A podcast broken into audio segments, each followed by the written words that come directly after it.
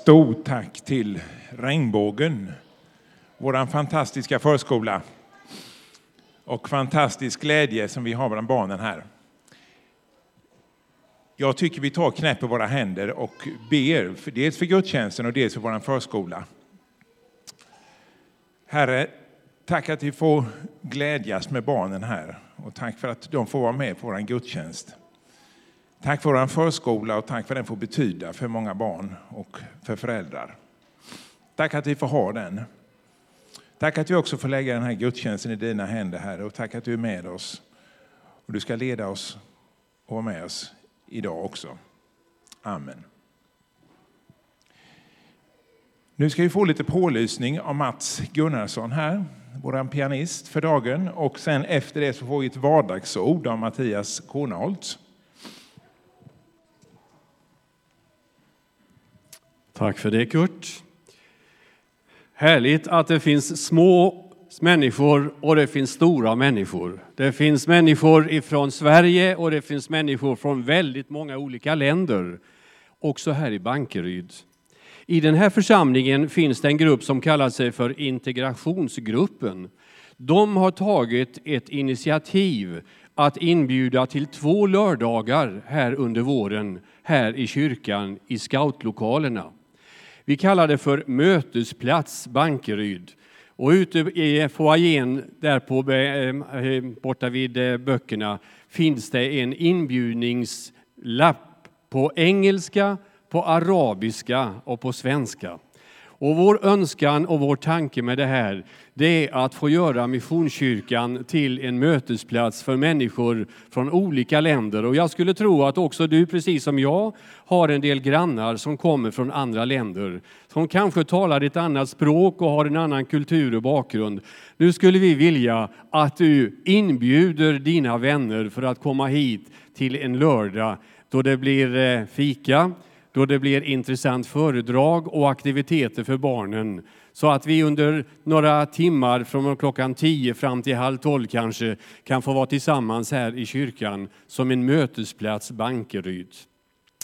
Är du intresserad, har du möjlighet, har du goda vänner som är från andra länder, så ta kontakt med dem. Ta med dig en sån här liten lapp hem och så kommer vi också sätta upp en inbjudan nere på våra affärer här i staden och i Bankeryd så att vi får reda på det här och låta människor få känna att mötesplats Bankeryd är för alla.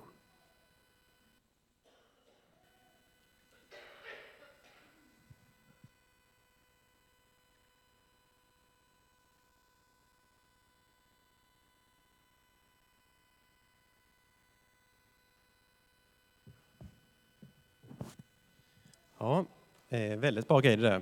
Mattias heter jag som sagt och ehm, eh, är det någon som känner igen sig eh, i eh, den här livssituationen av att eh, det går ganska så fort. Man har barn som har aktiviteter, det är mycket som händer på helgerna. Man springer på allt vad man kan. Eh, och då är det gott att komma hit på söndagar och stanna upp lite.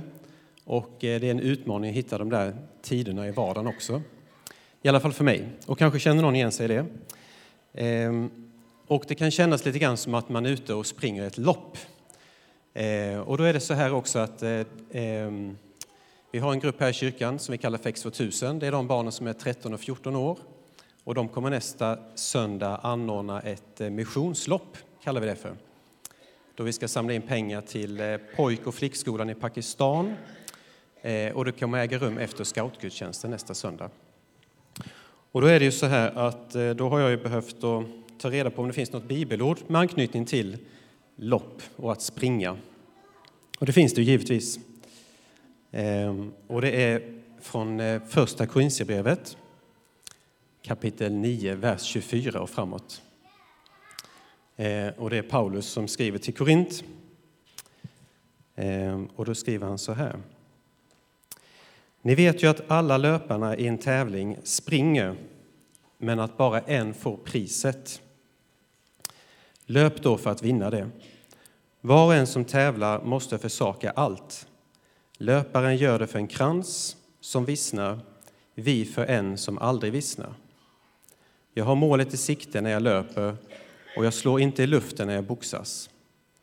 Jag går hårt åt min kropp och tvingar den till lydnad, för jag vill inte predika för andra och själv komma till korta. Amen.